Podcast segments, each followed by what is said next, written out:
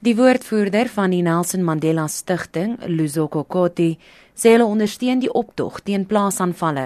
As the foundation we are aware of uh, the levels of crime in South Africa and we are equally unhappy about how this situation is not improving and we think that uh, as South Africans we are within our rights to protest and to demand that our leadership does something about this. We are uh, completely, completely shocked at the kind of killings in the farms, the kind of killings that are happening on the freeways and the hijackings and so on.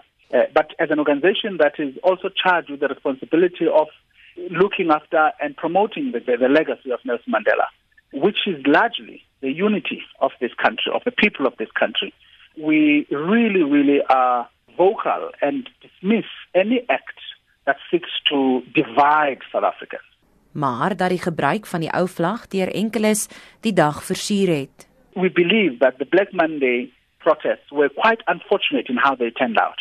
While they were trying to raise a legitimate issue of farm killings, there was a, a, a hugely irresponsible act in the part of the organizers and the people who were behind that march for not looking after the key messaging that was coming out of that. And the key messaging was that we are divided, we don't want to be part of this South Africa, we, we, we miss the old South Africa. Hence, we are uh, invoking the old flag of, South Af- of the apartheid South Africa. And we say, we can't have people who say those things. Koti vra nou dat daar 'n dialoog plaasvind oor die gebruik van die ou vlag. There has to be a number of instruments that are put in place for us to keep this country together. There are certain things that we need to be controlled either by law or by uh, certain punitive uh, measures that, that can be put in place. And these are questions we're asking South Africans and actually calling for a conversation. There has to be a conversation that says, isn't it time to talk about what we do about the old flag and therefore the use of that old flag and therefore the person using that old flag of South Africa? Hy sê die stigting praat reeds 'n tyd lank met rolspelers om die kwessie aan te pak. This statement we're making is not to say ban the old flag, uh, arrest and charge and imprison people who are using the, the new flag. We're not saying that. We're saying let us have a conversation about how we do these things.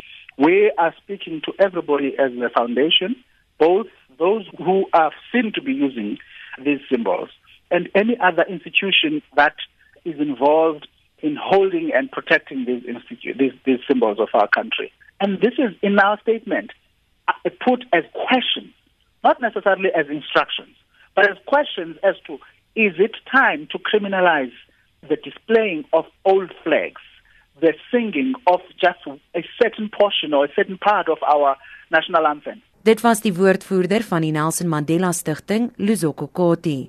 Ek is Melissa Tuggie vir SAK nuus.